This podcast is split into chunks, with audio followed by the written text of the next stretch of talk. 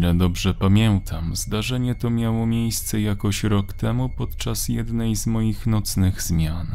Dość prymitywna fucha. Pracowałem jako ochroniarz i pewnego razu przydzielili mnie do pilnowania jakiegoś starego budynku. Dla mnie nie różnił się on niczym od gruzowiska, ale właściciel straszliwie chciał odnowić gmach. Co za tym idzie, sprowadził on ekipę remontową, która rozstawiając się w lokalu zostawiła osprzęt. I to właśnie w moim interesie było pilnowanie, by żaden złodziej, złomiarz czy inny cwaniaczek nie ukradł narzędzi wartych kilka tysięcy złotych. Dodatkowo miałem upewnić się, że miejsce jest pozbawione bezdomnych, pijaków czy ćpunów. Na moje szczęście przez pierwszych kilka nocek absolutnie nic się nie wydarzyło. Czas mijał mi na obchodach wokół budynku, niezliczonych papierosach i przeglądaniu całego internetu. Lubiłem tą robotę, gdyż nie musiałem się za dużo napracować, a pieniądze nie były złe. Teraz już jednak nie jestem ochroniarzem, ale o tym za chwilę. Wszystko zapowiadało, że noc ta będzie wyglądać jak poprzednia. Nauczony doświadczeniem zabrałem nawet ze sobą tablet, na którym mogłem oglądać filmy. Rozpocząłem zmianę od kawy. Kofeinowy zastrzyk energii miał obudzić moje ciało na następnych kilka godzin. Potem tylko przygotowałem sobie początek raportu i ruszyłem na zwykły obchód. Zimny wiatr przeszył moją skórę, a ja zakląłem do siebie, gdyż polar zostawiłem na drzwiach mojego biura. Chociaż nazywanie blaszanego baraku znajdującego się przed wielkim zabytkowym budynkiem biurem mogło być niezbyt dokładne. Tak czy siak, szybszym niż zwykle krokiem ruszyłem wzdłuż siatki służącej jako płot. Wysoka na trzy metry i zakończona zaostrzonymi prętami miała skutecznie odstraszyć potencjalnych wizytorów. Moim zdaniem wystarczyło zamknąć bramę, a i tak nikt by tutaj nie wszedł. Jednak właściciel jakoś straszliwie obawiał się o swój dobytek. Po obejściu całego domu wróciłem do centrum dowodzenia i zamykając drzwi na klucz, doszło do mnie, że tutaj też było zimno. Niestety, ale nie posiadałem niczego, co mogłoby ocieplić wnętrze baraku i zmuszony byłem ubrać na siebie kilka warstw oraz zrobić sobie gorącą kawę. Stałem i patrzyłem, jak biały czajnik chińskiego pochodzenia podgrzewał woda. Delikatnie pojawiające się bąbelki świadczyły o wysokiej temperaturze płynu. Już po chwili było ich mnóstwo, a ja ze zniecierpliwieniem czekałem, aż temperatura osiągnie szczyt i urządzenie się wyłączy. Brakowało jedynie kilku ostatnich sekund, gdy nagle wysiadł prąd, by wrócić po sekundzie. Ogarniająca mnie ciemność była wystarczająco straszna, pomimo iż trwała tak krótko. Nie wspominałem o tym wcześniej, lecz miejsce, gdzie się znajdowałem, nie było w centrum ani nawet na obrzeżach miasta. Ten budynek stał na jakiejś polnej drodze, daleko od zabudowań. Już wcześniej żaliłem się, jak bezsensowna jest moja praca, jednak ten aspekt chyba był o wiele bardziej znaczący niż wartość tego miejsca. Tak czy siak, byłem tutaj, a do końca mojej zmiany brakowało jeszcze sześciu godzin. Zabrałem ze schowka latarkę, którą de facto zostawiłem po obchodzie, mając nadzieję, że nie będę musiał jej więcej używać, po czym wyszedłem na zewnątrz, tym razem zabierając ze sobą polar. Chciałem się upewnić, czy kable idące do pobliskiej rozdzielni nie są uszkodzone, by nie przeżywać kolejnego zawału w środku nocy. Chociaż nawet jeśli bym znalazł usterka, szanse na to, iż pogotowie energetyczne zjawiłoby się jeszcze podczas mojej zmiany, były nikłe. Nie narzekając już więcej, odnalazłem kabel wychodzący od mojego biura, by następnie prześledzić jego tor światłem latarki.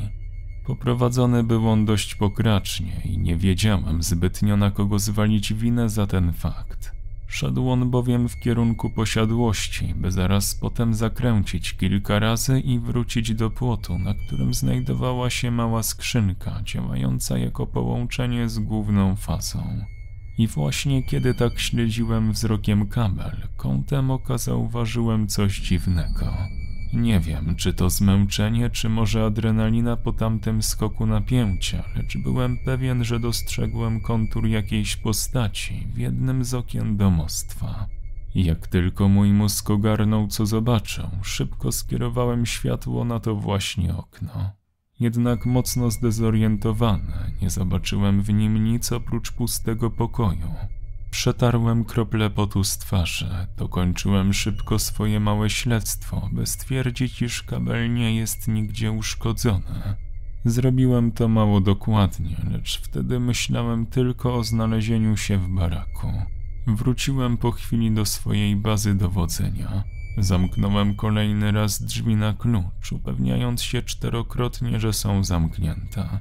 Moje poczucie bezpieczeństwa trochę zmalało, jak za czwartym razem użyłem za dużo siły i prawie wyrwałem zamek. W sumie nikt nie myślał o dobrym zabezpieczeniu baraku, w którym znajdowało się krzesło, stolik, czajnik i lampka. Jakaś dziwna intuicja nakazała mi przysunąć krzesło pod drzwi. Otwierały się one do środka, to też moja waga stanowiła dodatkowy opór dla potencjalnego gościa. Próbowałem się odprężyć oglądając filmy, jednak mój wzrok mimowolnie kierował się na posiadłość. Światło małej lampki znajdującej się na stoliku obok utrudniało mi patrzenie, gdyż większość czasu widziałem strachliwego ochroniarza w odbiciu szyby. Trochę przesadzałem, lecz nie było szansy na to, bym zgasił światło. Całkowita ciemność obudziłaby jeszcze gorszą część wyobraźni i wolałem nie myśleć do czego był bezdolny mój mózg. Pieprzyć te wszystkie horrory.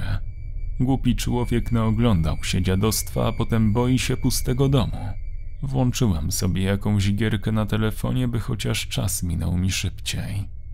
Dochodziła godzina trzecia. Był to dobry znak, gdyż większość zmiany już minęła. Teraz zostało mi tylko przeczekać czwartą, piątą i o szóstej do domu. Te kilka godzin upłynęło szybciej niż sądziłem i musiałem za to podziękować głupiej grze mobilnej. Pełen zadowolenia zapomniałem o kształcie w oknie i zdecydowałem się zrobić sobie jeszcze jedną kawę. Podniosłem swoje cztery litery z krzesła i zrobiłem krok w kierunku stolika, by nagle usłyszeć pukanie do drzwi. Zamarłem momentalnie. Przełknąłem ślinę, wykonałem obrót na stopie i błyskawicznie wróciłem na krzesło. Chociaż ja już na nim nie siedziałem, trzymałem je teraz niczym tarczę, przyciskając je mocno do drzwi. Krople potu spływały mi z twarzy niczym wodospad, a serce zaczęło bić niczym młot pneumatyczny. Szeroko otwartymi oczami patrzyłem na szare drzwi. Obserwowałem każdy detal i w duchu błagałem, żeby to był nieśmieszny żart mojej wyobraźni. Stałem tak dobrych kilka minut, a ciało powoli zaczęło się uspokajać. W pewnym momencie zacząłem nawet mówić sam do siebie. Powtarzałem zwroty typu: Uspokój się, tam nic nie ma, jesteś tutaj sam. Nie zważałem na to, czy potencjalny gość mógł mnie usłyszeć. Starałem się jedynie ogarnąć i przywrócić do normalności. Musiałem być straszliwie beznadziejnym ochroniarzem. Przecież jakby to byli złodzieje, to ukradliby wszystko. W dodatku jeszcze przyprawiając o atak serca tchórzliwego ochroniarza. Napełnił mnie wtedy jakiś dziwny impuls. Chwyciłem za podręczny paralizator, odsunąłem krzesło i z impetem otworzyłem drzwi. Wyciągniętą i uzbrojoną w paralizator rękę przywitała jedynie ciemność i cykanie świerszcze. Byłem już pewien, że to na pewno sprawka mojej wyobraźni, gdy nagle usłyszałem to pukanie jeszcze raz, tym razem dochodzące z za moich pleców. Odwróciłem się i zobaczyłem ją. W oknie baraku stała mała dziewczynka. Jak tylko zauważyłem jej przyjazne spojrzenie, uśmiechnęła się do mnie i pomachała malutką rączką. Nie wiedziałem, czy mam odmachać, czy nie, i stałem wryty jak słup soli. Po chwili dziewczynka jednak zniknęła. Wybiegłem z biura w pogoni za nią. Gdy dotarłem w miejsce, gdzie jeszcze chwilę temu się znajdowała, ślad po niej zniknął. Przemierzyłem teren latarką, by zobaczyć jej białą sukienkę znikającą w drzwiach starej rudery.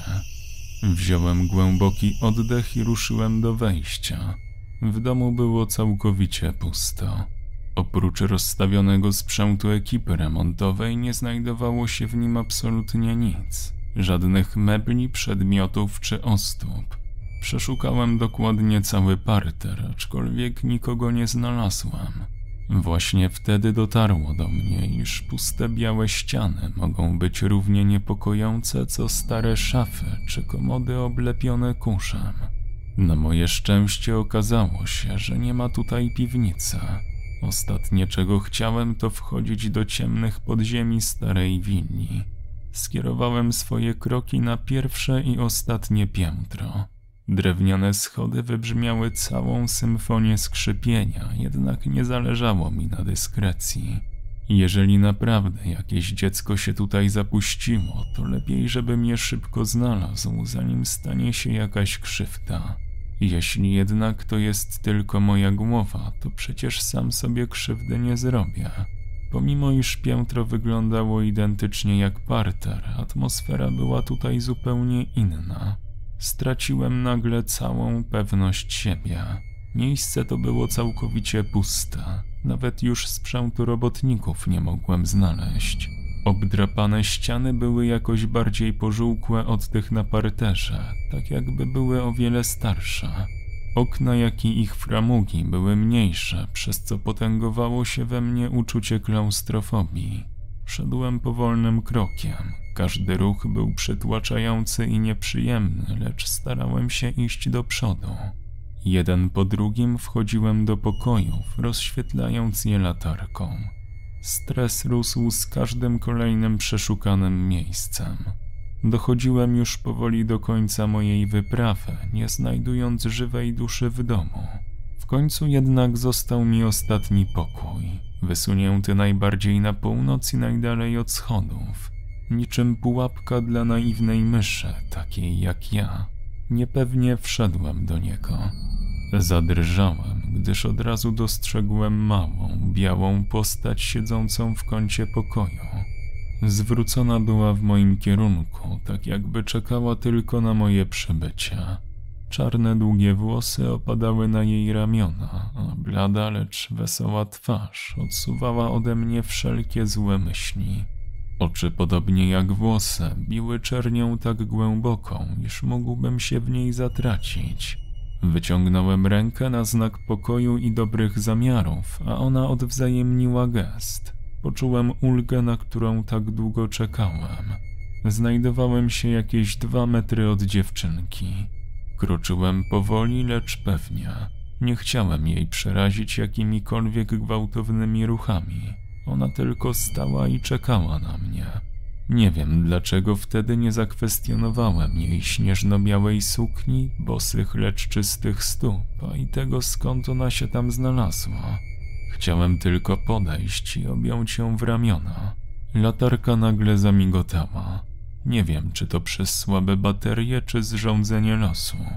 Trwało to zaledwie ułamek sekundy, lecz wystarczyło, bym to zauważył. Kiedy światło osłabło, dostrzegłem prawdziwe kontury dziewczynki. Odskoczyłem niczym poparzone. Serce zaczęło walić jak szalone, a oddech przyspieszył. Na twarzy pojawiło się przerażenie, które dziewczynka odwzajemniła zaniepokojeniem. Powoli zacząłem się cofać, a ruch ten bardzo się nie spodobał tajemniczej postaci. Nie jestem pewien, czy to co widziałem było prawdziwe, lecz było potworne.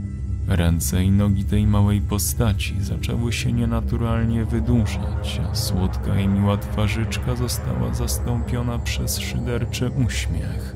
Włosy wypadły, a oczy, tak jak i cała twarz, rozciągnęły się do granic możliwości. W końcu to coś otworzyło paszczę, a w środku ujrzałem rzędy ostrych kłów. Stałem osłupiały i byłem pewien, że to monstrum zeżre mnie na miejscu, gdy nagle moich uszu dobiegło ciche uciekaj. I nie czekając na rozwój wydarzeń, rzuciłem się do wyjścia. Biegłem niczym olimpijczyk, ledwo nie łamiąc się na schodach. Nie odwracałem się. Słyszałem jedynie głośne sapanie i głuche uderzenia o podłogę. Miałem łzy w oczach i błagałem Stwórcę, by wszystko to było jedynie koszmarnym snem. Przebiegłem przez puste pokoje, lecz nie były one tym, co zastałem wcześniej. Ze ścian skapywała czarna ciecz, a sufit zdawał się poruszać. Nie wiedziałem, co się dzieje. Chciałem jedynie uciec. Jednak im dłużej biegłem, tym bardziej wydawało mi się, że dom ten zamienił się w jakiś chory labirynt.